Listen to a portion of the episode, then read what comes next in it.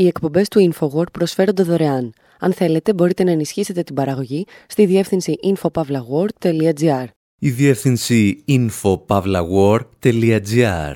Η εκπομπή InfoWord με τον Άρη Χατζηστεφάνου.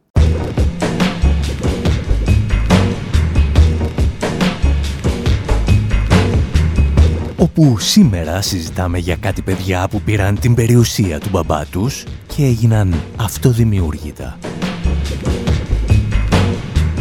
Υποστηρίζουμε ότι οι λέξεις αυτοδημιούργητος εκατομμυριούχος και αυτοδημιούργητος δισεκατομμυριούχος αποτελούν αυτό που στα λατινικά αποτελούμε contradictio in terminis, αντίφαση εν της όρης και δεν πρέπει ποτέ να μπαίνει η μία λέξη δίπλα στην άλλη.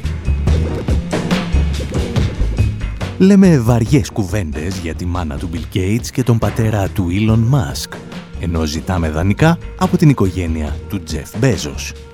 Μόνο 245.000 και 573 δολάρια.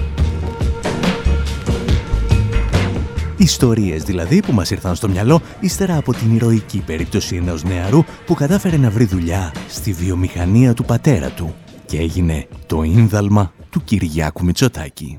I know they hating on me, cause I'm the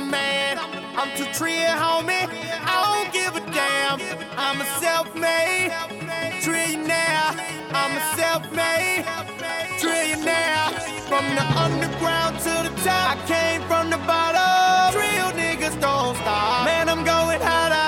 Self-made trillionaire. I'm a self-made trillionaire. Okay, let's get this shit crackling. No more procrastinating. They told me, but don't hesitate. Don't keep these bastards waiting. Wait, I'm putting egos in check and I'm so emasculating. People stop and stare and say, damn, this nigga's fascinating. We blowing dro up in the air. You smell it, that's the fragrance. I got the focus, got the heart, and I got the patience. You hating, bitch, get off my dick. Look like you want some gay shit. I'm trying to take this to the mountaintop, Appalachian. But it's a rocky road. And I'm still moving up and ain't no moving us. So keep it pushing, get to moving, bruh. You might be new to me, but you know I ain't new Go ask the white boy. They say he's totally tubular. Yeah. Fucking bad bitches, but my dick against they uvula. Every time I hit the streets, it's like a fucking movie, bruh. Damn. You know what I do to us in Gladiator Studio. They gon' leave you chopped up like they was DJ Studio. I'm the man. I'm too trill, homie. I don't give a damn.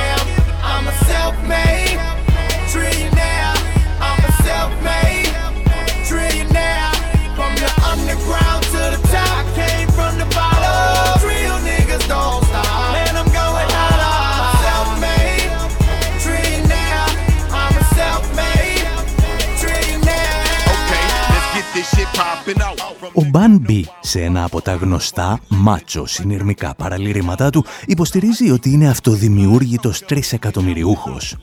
Ξεκίνησε, λέει, από τον πάτο και έφτασε στην κορυφή. Το πρόβλημα είναι ότι στην Αμερική του 2021 τα ίδια επιχειρήματα χρησιμοποιεί και το σύνολο των εκατομμυριούχων και δισεκατομμυριούχων της χώρας. Αν τους αφήσεις για περισσότερα από 5 λεπτά σε ένα μικρόφωνο, θα ισχυριστούν ότι τα βασικά εργαλεία της ανέλυξής τους ήταν το μυστρί και το πυλοφόρι ή τουλάχιστον ένα γκαράζ στο οποίο άρχισαν να χτίζουν την αυτοκρατορία τους. Ο μύθος του αυτοδημιούργητου Αμερικανού επιχειρηματία έχει ιστορία περίπου δύο αιώνων. Η φράση «self-made man» διατυπώθηκε για πρώτη φορά από τον Αμερικανό πολιτικό Henry Clay, ο οποίος ήθελε να παρουσιάσει έτσι τον Βενιαμίν Φραγκλίνο. Και έκτοτε αποτελεί το δομικό μύθο πάνω στον οποίο χτίζεται το αμερικανικό όνειρο. Εμείς πάλι πιστεύουμε ότι κανένας εκατομμυριούχος δεν είναι αυτοδημιούργητος. Με μερικά παραδείγματα θα δείξουμε πως είτε τα πήρε από την οικογένειά του, είτε τα πήρε από τους υπαλλήλους του, είτε τα πήρε από τους φορολογούμενους. Χωρίς φυσικά το ένα να αποκλείει το άλλο ή το τρίτο. Σκεφτήκαμε λοιπόν να ρίξουμε μια σύντομη ματιά στην κορυφή της λίστας των 10 πλουσιότερων ανθρώπων του πλανήτη και να δούμε μερικές χαρακτηριστικές περιπτώσεις λευκών αγοριών που χωρίς την οικογενειακή στήριξη δεν θα τους ήξερε ούτε η μάνα τους. Και ξεκινάμε με το πάλε ποτέ πρότυπο του αυτοδημιούργητου, τον Bill Gates.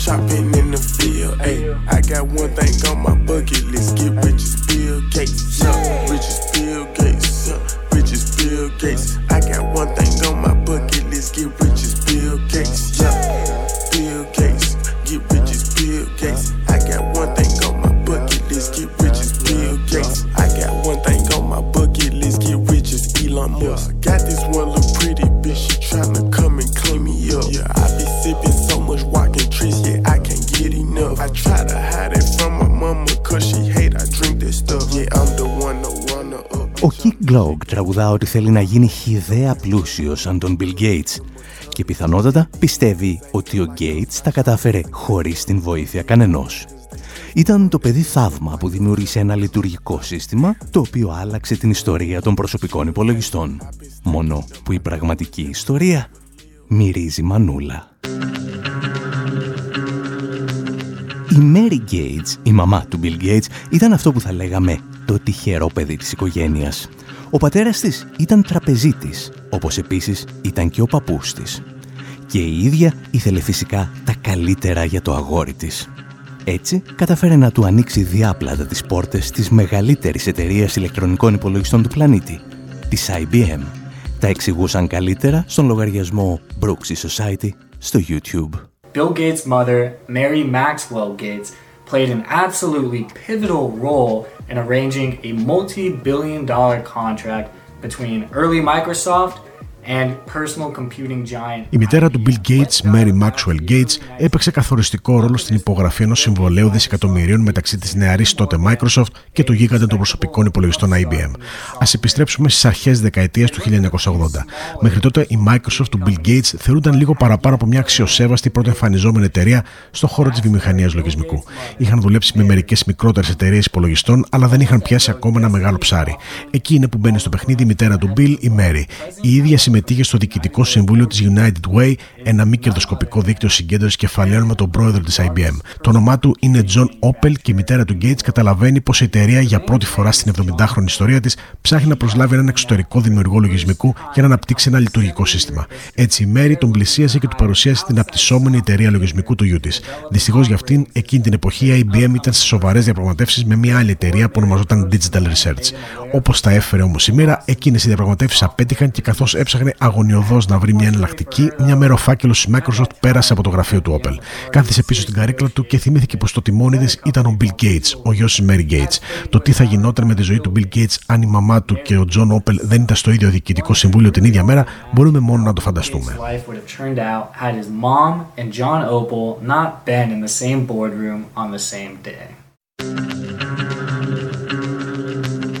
Κάπου εδώ βέβαια κάποιοι θα αντιδράσουν έντονα.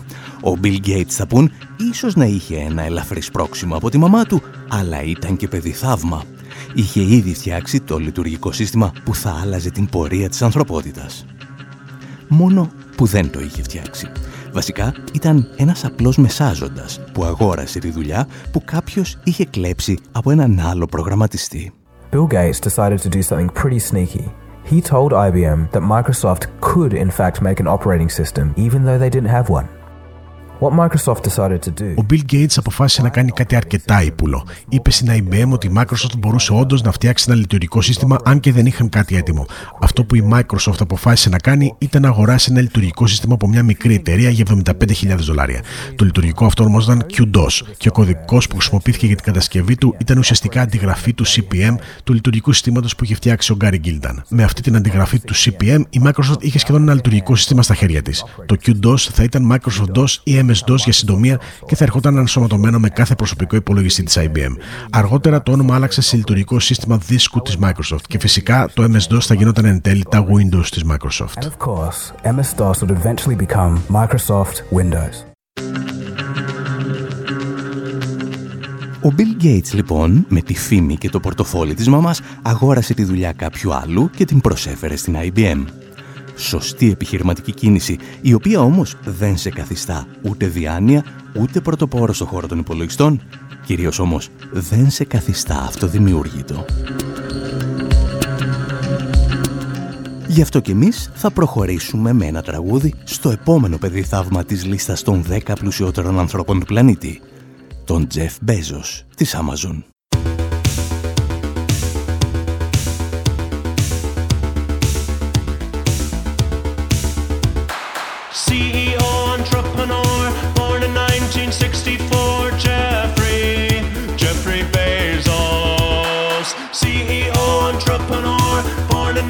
1964, Jeffrey, Jeffrey Bezos. Come on, Jeffrey, you can do it. Pave the way, put your back into it. Tell us why, show us how. Look at where you came from, look at you now. Zuckerberg and Gates and Buffett, amateurs can fucking suck it. Fuck their wives, drink their blood. Come on, Jeff.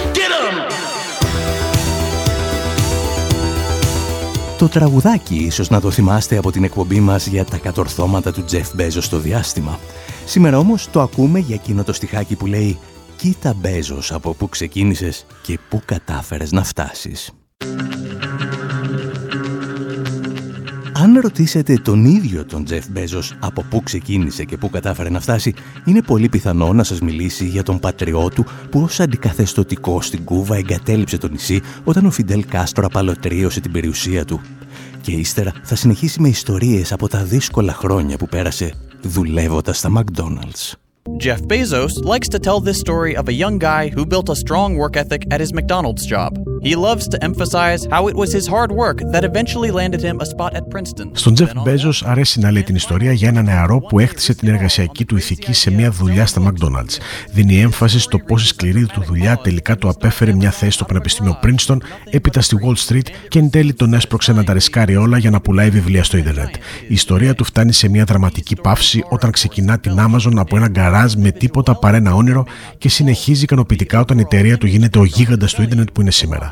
Αυτές οι ιστορίες είναι φυσικά αρρωποιημένε και ενώ συγκεκριμένα στοιχεία τους μπορεί να είναι αληθινά, η συνολική εικόνα που επιχειρούν να πουλήσουν είναι ένα ψέμα. Διότι δεν ήταν μονάχα η καινοτομία της Amazon που την εκτόξευσε στο κέντρο του ίντερνετ, αλλά και το προβάδισμα μιας αρχικής επένδυσης 300.000 δολαρίων από τους γονείς του Τζεφ.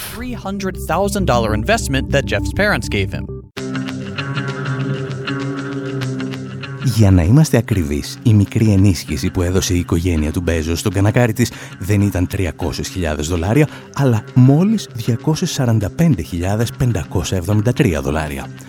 Πάνω κάτω δηλαδή το 1 τέταρτο του εκατομμυρίου που παίρνουμε όλοι από τους γονείς μας όταν κάνουμε τα πρώτα μας βήματα. Για να είμαστε βέβαια δίκαιοι θα πρέπει να αναγνωρίσουμε ότι ο Τζεφ Μπέζος την ίδρωνε τη φανέλα Απλώς δεν ίδρωνε τη δική του φανέλα. Το 2011, όταν ξεκίνησαν οι πρώτες αποκαλύψεις για τις συνθήκες εργασίας στις αποθήκες της Amazon, η εφημερίδα Morning Call έγραφε τα εξής. Οι εργαζόμενοι είπαν ότι αναγκάζονταν να εργαστούν με τρομερή ζέστη μέσα στην αποθήκη. Κατά τη διάρκεια του καλοκαιρινού καύσωνα, η Amazon κανόνιζε να έχει διασώστες σε παρκαρισμένα ασθενοφόρα απ' έξω, έτοιμους να αναλάβουν όποιον εργαζόμενο πάθαινε αφυδάτωση ή κάποια άλλη καταπώνηση από τη ζέστη.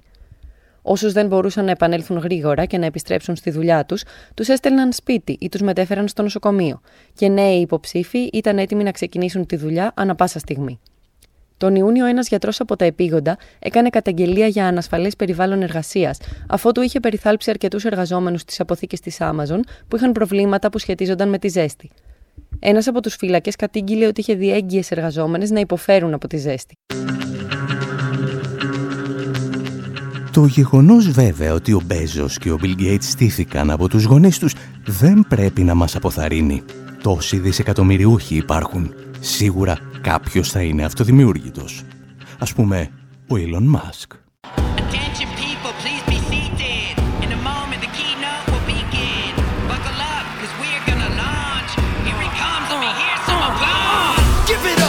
Elon Musk.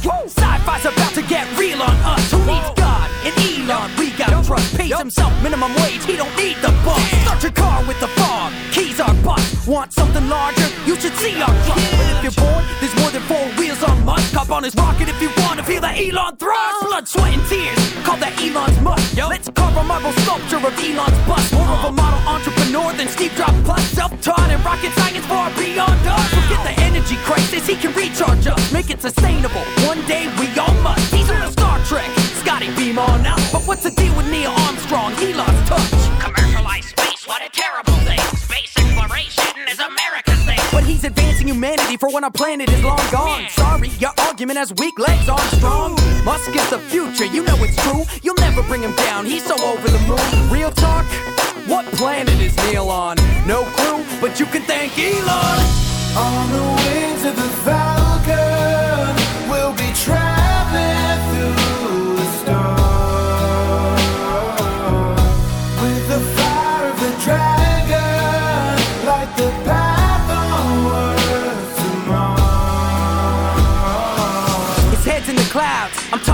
ozone. You're in his house now, wipe off your toes, bro. Carbon footprints are a no-no. Oh, the oil companies are gassed out, they're running so low.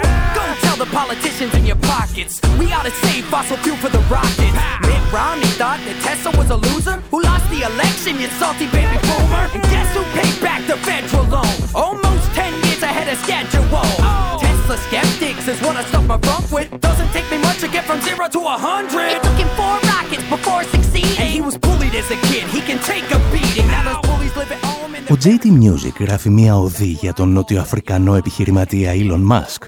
Ένα τραγούδι με τόσους τόνους σάλιου που θα έκαναν ακόμη και τους τροβαδούρους της Μεγάλης Εκατερίνης να κοκκινήσουν από ντροπή. This ain't about the game of paychecks. Forget PayPal. Take Όταν βέβαια συζητάμε για κολακίες προς τον Elon Musk, κανένας δεν τα καταφέρνει καλύτερα από τον ίδιο. Elon Musk tells a very similar story that of an industrious kid bullied for being too nerdy and into Ο Elon Musk λέει την ίδια ιστορία. Την ιστορία ενός εργατικού παιδιού που δεχόταν εκφοβισμό επειδή ήταν σπασίκλας και του άρεσε η επιστημονική φαντασία. Το παιδί αυτό βγήκε από τις αντικσότητες και ξεπέρασε τα συνήθεια αμερικανικά εμπόδια του φοιτητικού χρέους και της έλλειψης πίστη των ανθρώπων μέσω της ευφυία και της επιχειρηματικότητάς του. with the sheer ingenuity of his entrepreneurship. Αν ακούσετε τον Μάσκ να μιλάει για αρκετή ώρα για τα παιδικά του χρόνια, ίσως καταλήξετε να πιστεύετε ότι γεννήθηκε σκλάβος κοντά σε κάποιο ορυχείο κοβαλτίου στο Κονγκό και μέχρι τα 10 του χρόνια έσκαβε για να βγάζει σπάνιες γέες από το έδαφος.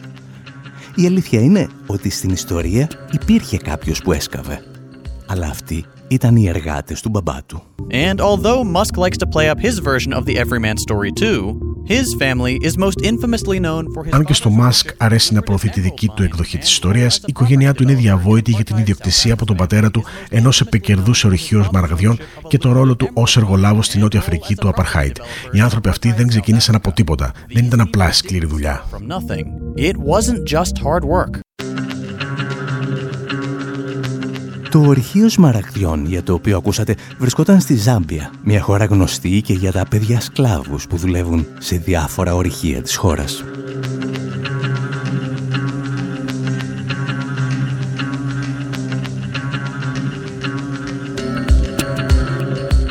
Αναζητώντας τις προσωπικές ιστορίες των ανθρώπων που φιγουράρουν στις 100 πρώτες θέσεις των πλουσιότερων ανθρώπων του πλανήτη, θα εντοπίσετε δεκάδες ανάλογες ιστορίες. Άνθρωποι που γεννήθηκαν και μεγάλωσαν σε ιδανικές συνθήκες, ακόμη και αν οι γονείς τους δεν ήταν δισεκατομμυριούχοι. Άνθρωποι που συγκέντρωσαν τον πλούτο άλλων, είτε μέσω της υπεραξίας τους, είτε μέσω ενός φορολογικού συστήματος, το οποίο δεν τους άγγιξε ποτέ. Γι' αυτό και εμείς, στο δεύτερο μέρος εκπομπής, θα δούμε γιατί δεν θέλουμε να πάρουμε πίσω αυτά τα χρήματα με τη μορφή ελεημοσύνης, αλλά με τα ίδια μας τα χέρια. εσείς μένετε εδώ και θυμάστε ότι οι ιστορίες σαν κι αυτές θα βρίσκεται πάντα στη σελίδα μας info.pavlawar.gr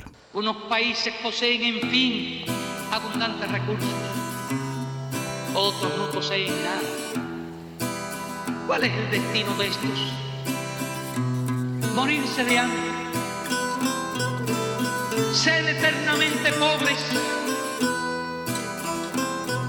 ¿Para qué sirve entonces la civilización?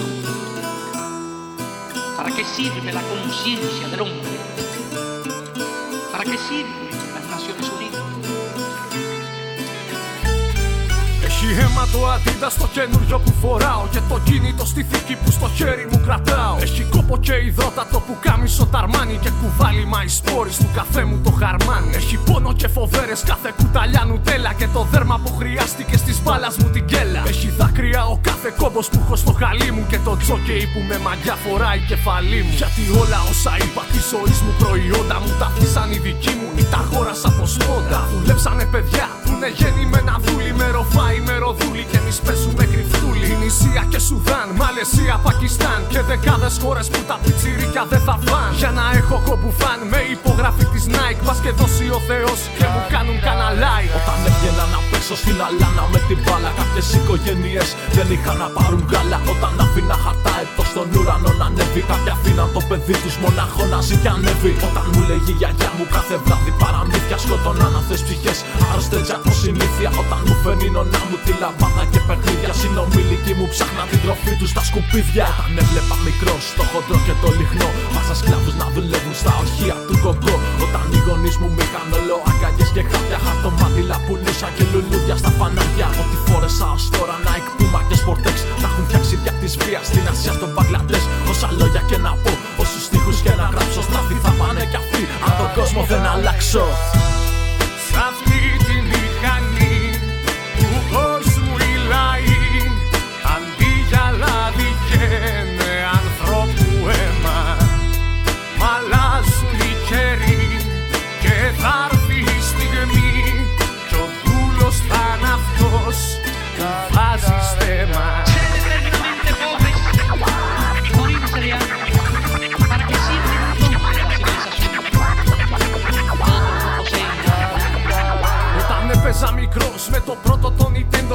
Στην Ινδία, οι ανήλικοι κουβάλαγαν τσιμέντο. Όταν έφτιαχνα το δέντρο με φωτάκια και στολίδια, τα παιδιά στη Βραζιλία ψάχναν μέσα στα σκουπίδια. Όταν έκανα ποδήλατο στον δρόμο τα απογεύματα, συνομήλικους στην Κίνα του σκοτώναν διαμοσχεύματα. Κίνηζα σαν κοίταζα τις τάξεις στα κορίτσια, ενώ στην Ινδονησία τα πουλούσανε για βίτσια. Όταν έβλεπα τον Άλαντιν στην Disney με τον Τζίνι, τα αδέρφια μου γαζώνανε κάτω στην Παλαιστίνη. Μας ευχάριστο Θεέ που έχω και έναν ΟΗΕ και να ενδιαφέρθω για αυτά δεν χρειάστηκε ποτέ. Να είναι καλά και το ΝΑΤΟ και Ηνωμένε Πολιτείες.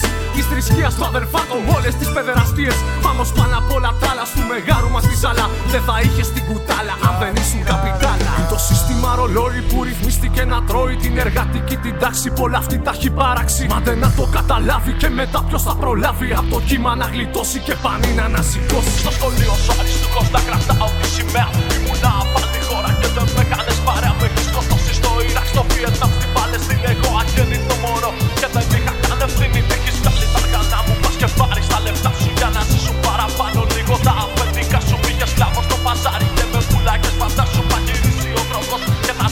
σειρά Μέσα σε αυτή τη μηχανή αν ενωθούμε όλοι μαζί. Και χαράξουμε αντίθετη πορεία στο γρανάζ Ένα θα γίνω εγώ και εσύ και θα έρθει εκείνη η στιγμή όπου αλλάζουν οι καιροί και σίγουρα θα τους πειράζει Γιατί σε αυτή τη μηχανή όλου του κόσμου. Οι λαοί αν σταματήσουν για πάλι τι άλλο να γίνουμε μα. Έρθε εκείνη η στιγμή που η φωνή μας θα ακουστεί και ο φίλος μόνος μην κοιτήσει και πάλι θα βάζει στεμά Σ' αυτή τη μηχανή του κόσμου οι λαοί Αντί για λάδι καίνε ανθρώπου αίμα Μ' αλλάζουν οι καιροί και θα έρθει η στιγμή Κι ο δούλος θα είναι αυτός που βάζει στέμα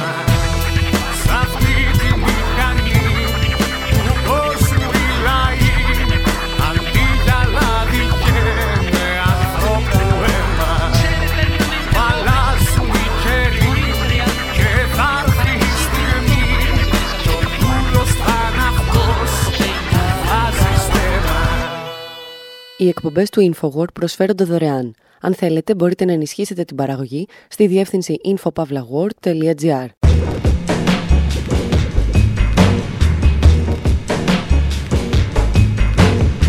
Εκπομπή Infowar, μέρος δεύτερο. Όπου σήμερα συζητάμε για τη φιλανθρωπία των ισχυρών και την κλοπή της περιουσίας των αδυνάτων. Μια κουβέντα που νομίζουμε θα μας απασχολεί τα επόμενα χρόνια όλο και περισσότερο, καθώς το κοινωνικό κράτος θα διαλύεται και οι διάφοροι σωτήρες θα εμφανίζονται δώρα φέροντες. Και τώρα θα μιλήσουμε για τα χρήματα που φεύγουν απευθείας από την τσέπη μας.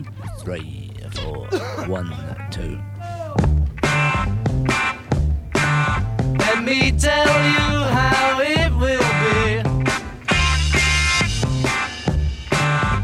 There's one for you, 19 for me. Cause I'm the tax man.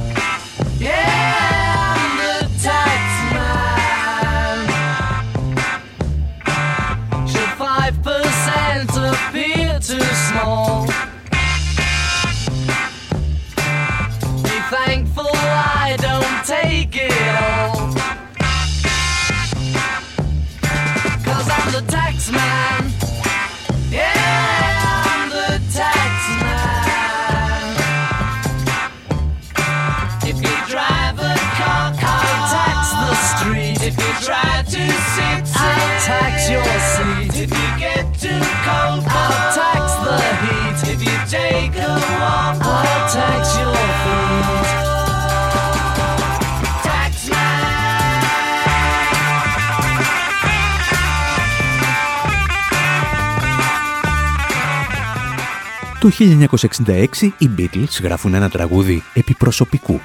Πολύ προσωπικού. Ο λογιστής τους μόλις τους έχει ενημερώσει ότι περίπου το 95% των χρημάτων που κερδίζουν από τις πωλήσεις δίσκων και τις συναυλίες το παίρνει η εφορία. Εξού και ο στίχος που λέει «Κρατάω ένα εγώ και τα 19 τα παίρνεις εσύ». Εάν προσέξετε τους στίχους, οι Beatles στρέφονται προσωπικά και εναντίον του Πρωθυπουργού Harold Wilson, ο οποίος είχε επιβάλει προοδευτική φορολογία που αυξανόταν ιδιαίτερα για το μεγάλο κεφάλαιο. Και οι Beatles είχαν μόλις περάσει σε αυτή την κατηγορία. Declare the penny. Για να μην φανεί βέβαια ότι ενδιαφέρονταν μόνο για την τσέπη τους, δήλωναν ότι δεν τους ενοχλεί που το Βρετανικό κράτος παίρνει το 95% των εσόδων τους, αλλά το γεγονός ότι χρησιμοποιεί τα χρήματα για την πολεμική του βιομηχανία. Το οποίο μπορεί να ήταν ειλικρινές ως επιχείρημα, αλλά μπορεί και όχι. Το τραγούδι πάντως θέτει ένα πολύ σημαντικό ερώτημα. Πόσα χρήματα μπορεί και οφείλει να παίρνει το κράτος από το μεγάλο κεφάλαιο για τις ανάγκες του και ποιος αποφασίζει πώς θα διατεθούν αυτά τα χρήματα; Ιδιαίτερα σε ό,τι αφορά τη σημερινή εκπομπή, το ερώτημα είναι τι γίνεται όταν το ίδιο το κράτος προσφέρει φοροελαφρύνσεις στους εκατομμυριούχους οι οποίοι αποφασίζουν να προσφέρουν χρήματα σε φιλανθρωπικούς σκοπούς; Too small. Η εφημερίδα Guardian παρουσίασε πριν από μερικές εβδομάδες ένα παράδειγμα για να καταλάβουμε τι ακριβώς συμβαίνει εδώ. Στην Αγγλία έλεγε το κείμενο, αν βγάζεις έως 50.000 λίρες θα φορολογηθείς για το 20%. Αν βγάζεις έως 150.000 λίρες θα φορολογηθείς 40% και από εκεί και πάνω με 45%. Τι σημαίνει αυτό πρακτικά; Εάν ένας απλός πολίτης δώσει 100 λίρες για φιλανθρωπικούς σκοπούς, το 20% δεν το πληρώνει ο ίδιος, αλλά το κράτος. Είναι δηλαδή φόροι που θα έπρεπε να καταβάλει στο κράτος, αλλά του χαρίζονται. Εάν τώρα ένας εκατομμυριούχος δώσει 100 λίρες, το κράτος θα του έχει δώσει τις 45, σχεδόν τα μισά. Όταν λοιπόν ένας δισεκατομμυριούχος λέει ότι προσφέρει ένα εκατομμύριο, αυτός έχει βάλει περίπου τα μισά από την τσέπη του και τα άλλα μισά από τη δική μας τσέπη. Εδώ όμως, εξηγούσε ο Guardian, προκύπτει ένα πολύ μεγάλο ζήτημα. But what the rich are giving away in their philanthropy is not entirely their own money. Τα χρήματα που δορίζουν οι πλούσιοι στη φιλανθρωπία δεν είναι εντελώς δικά τους. Η έκπτωση φορολογίας σημαίνει ότι συνεισφέρουν και οι απλοί πολίτες στου σκοπούς που επιλέγουν τα πλούσια άτομα. Οι περισσότερες δυτικές κυβερνήσεις προσφέρουν γενναιόδωρα φορολογικά κίνητρα για να ενθαρρύνουν τις φιλανθρωπικές δωρεές. Συνεπώς, μεγάλο ποσοστό των δωρεών χρηματοδοτείται από τους φορολογούμενους. Αν όμως οι φορολογούμενοι προσφέρουν το τμήμα της δωρεάς, γιατί να μην έχουν λόγο στο ποιος φιλανθρωπικός σκοπός θα τη λάβει. Part of the gift. Why should they not have a say in which charity receives it? Εάν το καλοσκεφτούμε, οι εκατομμυριούχοι φιλάνθρωποι ουσιαστικά ιδιωτικοποιούν ένα μέρος του κράτους πρόνοιας. Αν όπως είπαμε δορίζουν χρήματα που θα έπρεπε να πηγαίνουν στα κρατικά ταμεία, σημαίνει ότι αποφασίζουν αυτοί που θα πάνε τμήματα των χρημάτων που ανήκουν στο κράτος. Αντί να επιλέγει δηλαδή μια δημοκρατικά εκλεγμένη κυβέρνηση τι θα χρηματοδοτήσει, το αποφασίζει σε σημαντικό βαθμό ένας μη εκλεγμένος εκατομμυριούχος. Και είναι αυτό κακό, θα αναρωτηθεί κάποιος φιλελεύθερος. Υπάρχουν χίλιοι και δύο λόγοι για τους οποίους αυτό είναι κακό. Και ο σημαντικότερος είναι ότι οι πλούσιοι συνήθως χρησιμοποιούν τα χρήματα των φτωχών για να διασφαλίζουν την κυριαρχία της τάξης τους. Δεν τα λέμε εμείς, τα έλεγε και πάλι ο συντάκτης του Guardian. In the UK, in the 10-year period to 2017, more than two-thirds of all millionaire donations Στο Ηνωμένο Βασίλειο, στα 10 χρόνια μέχρι το 2017, περισσότερα από τα 2 τρίτα όλων των δωρεών, δηλαδή 4,79 δισεκατομμύρια λίρες, κατευθύνθηκαν στην ανώτατη εκπαίδευση. Τα μισά από αυτά πήγαν σε μονάχα δύο πανεπιστήμια, το Oxford και το Cambridge. Όταν οι πλούσιοι και οι μεσαίες τάξεις δίνουν χρήματα σε σχολεία, δίνουν περισσότερα σε αυτά στα οποία φοιτούν τα δικά τους παιδιά παρά σε αυτά των φτωχών.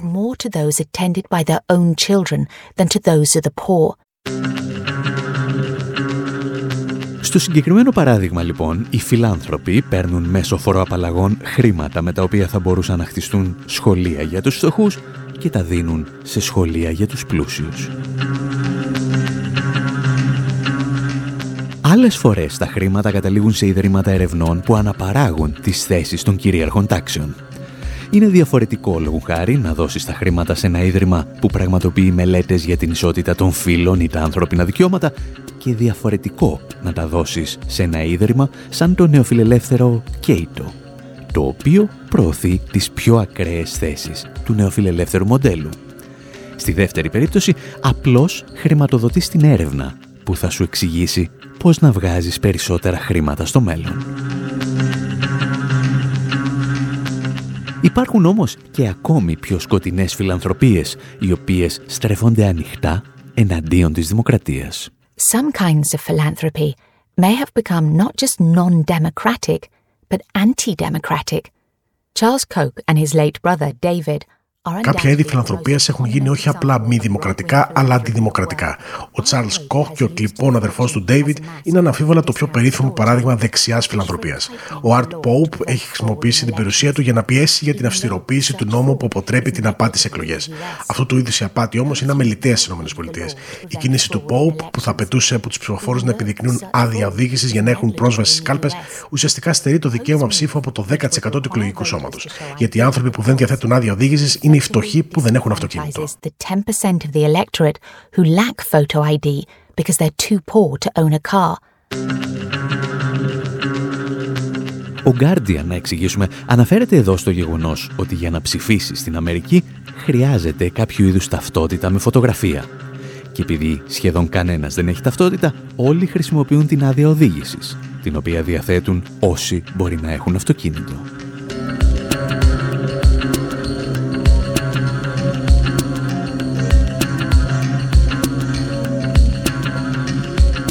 Αυτοί οι φιλάνθρωποι λοιπόν κάνουν προφανώς κακό στο κοινωνικό σύνολο. Τι γίνεται όμως με τους φιλάνθρωπους που αποδεδειγμένα σώζουν χιλιάδες ή εκατομμύρια ανθρώπινες ζωές με τις χορηγίες τους; Μπορείς να κατηγορήσεις κάποιον επειδή δόρισε ένα ασθενοφόρο σε ένα νοσοκομείο ή επειδή πλήρωσε για να εμβολιαστούν χιλιάδες παιδιά, τα οποία σε διαφορετική περίπτωση μπορεί και να πέθαιναν; Απαντήσεις ύστερα από αυτό. Eight men have all the money. Eight men have more than half of the money that everyone else in the world has combined.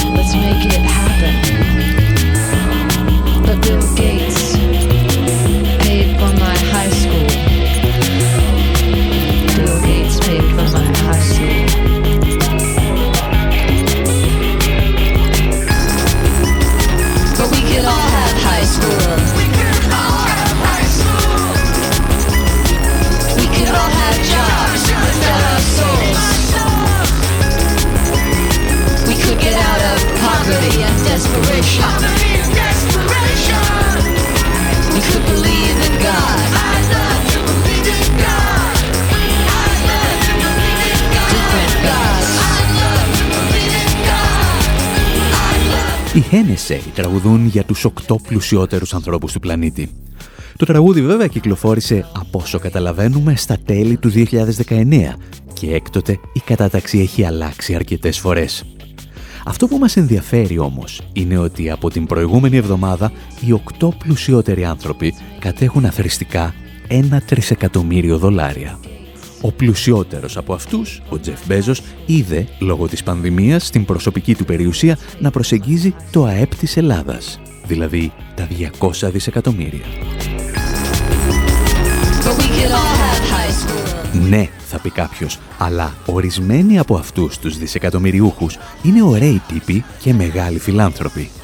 Και πραγματικά δεν θα ήταν υπερβολή να πούμε ότι άνθρωποι όπως ο Bill Gates έχουν σώσει εκατοντάδες χιλιάδες ή ίσως και εκατομμύρια ανθρώπινες ζωές. The philanthropy of Bill and Melinda Gates has brought huge benefits for humankind. When the foundation made its first big grant for malaria research, it nearly doubled the amount of money spent on the disease. Η φιλανθρωπία του Bill και της Μελίνα Gates έχει προσφέρει τεράστια ωφέλη για την ανθρωπότητα. Όταν το Ίδρυμα έκανε την πρώτη του μεγάλη επιχορήγηση για την έρευνα κατά της ανελονοσία, σχεδόν διπλασίασε τη συνολική δαπάνη για την ασθένεια παγκοσμίως. Έκανε το ίδιο με την πολιομελίτιδα. Χάρη εν μέρη στο Gates, περίπου 2,5 δισεκατομμύρια παιδιά έχουν εμβολιαστεί κατά της νόσου και τα κρούσματα πολιομελίτιδας παγκοσμίως έχουν μειωθεί κατά 99,9%. Η πολιομελίτιδα έχει ουσιαστικά εξαλειφθεί. Η φιλανθρωπία διόρθωσε τις αποτυχίες της φαρμακευτικής βιομηχανίας και των κυβερνήσεων σε όλο τον κόσμο. Το Ίδρυμα Gates από το 2000 που ξεκίνησε έχει δωρήσει περισσότερα από 45 δισεκατομμύρια δολάρια και έχει σώσει εκατομμύρια ζωές. Since it began in 2000, has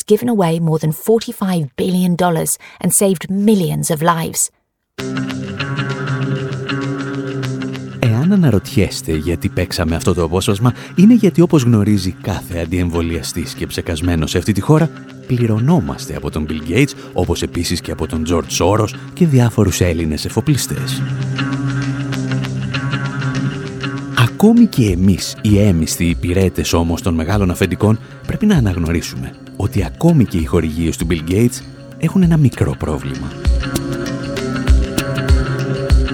Σε ορισμένες χώρες, παραδείγματος χάρη, η πολυεμελίτιδα με την οποία ασχολούνταν ο Bill Gates δεν ήταν η πρώτη προτεραιότητα. Εάν δηλαδή τα χρήματα είχαν δοθεί για την αντιμετώπιση άλλων ασθενειών, πιθανότατα θα είχαν σωθεί πολύ περισσότερες ζωές. Την απόφαση θα έπρεπε ίσως να την έχει λάβει κάποια οργάνωση του ΟΗΕ σε συνεργασία με την τοπική κοινωνία και όχι ένα κοινοφελές ίδρυμα στην άλλη άκρη του κόσμου.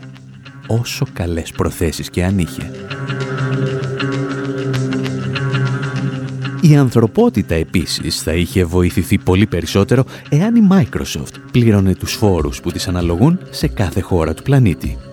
Γιατί μόνο στην Αγγλία η Microsoft απέφυγε να πληρώσει περίπου 4 δισεκατομμύρια ευρώ στο διάστημα 2009 με 2011. Και κάπου εκεί ο ιστορικός Ράτκερ Μπρέγκμαν εκνευρίστηκε. Και έτσι, όταν τον κάλεσαν πριν από μερικά χρόνια στον Ταβός να τους πει τη γνώμη του για την φιλανθρωπία, τους πήρε ο διάολος. Ten years ago, the World Economic Forum asked the question, what must industry do to prevent a broad social backlash? The answer is very simple. Just stop talking about philanthropy and start talking about taxes. Πριν από 10 χρόνια, το Παγκόσμιο Οικονομικό Φόρουμ έδεσε το ερώτημα τι πρέπει να κάνει η βιομηχανία για να αποτρέψει μια ευρεία κοινωνική αντίδραση. Η απάντηση είναι απλή. Σταματήστε να μιλάτε για φιλανθρωπία και αρχίστε να μιλάτε για φόρους. Μόλις πριν δύο μέρες ήρθε εδώ ο δισεκατομμύριχο Μάικλ Ντέλ και ρώτησε: Πείτε μου μια χώρα όπου ο φορολογικός συντελεστής της τάξης του 70% για τα ανώτερα εισοδήματα έχει λειτουργήσει. Εγώ ξέρετε είμαι ιστορικός και είχα έτοιμη την απάντηση. Στις Ηνωμένες Πολιτείες. Εκεί έχει όντως δουλέψει. Τη δεκαετία του 1950, κατά την διακυβέρνηση του Ρεπουμπλικανού Αντζεχάουερ, ο φορολογικός συντελεστής στι ΗΠΑ ήταν 91% για εκατομμυριούχου, όπως ο Μάικλ Ντέλ. Δεν είναι πυρηνική φυσική. Μπορούμε να μιλάμε για ώρες για όλα αυτά τα ηλίθια σχέδια φιλανθρωπία. Μπορούμε να προσκαλέσουμε για άλλη μια φορά τον πόνο των YouTube, αλλά καλύτερα να σοβαρευτούμε. Πρέπει να μιλήσουμε για φόρους. Η λύση είναι οι φόροι. Φόροι, φόροι. Όλα τα υπόλοιπα είναι μαλακίες, κατά τη γνώμη μου. It's, we got to be talking about taxes. That's it. Taxes, taxes, taxes. All the rest is bullshit, in, in my opinion. Thank you.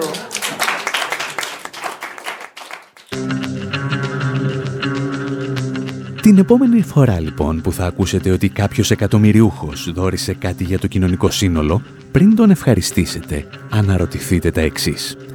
Πού βρήκε τα λεφτά, εάν ένα τμήμα αυτών των χρημάτων είναι δικό σας και αν είναι δικό σας, γιατί δεν σας ρώτησε κανένας πού θέλετε να τα ξοδέψετε.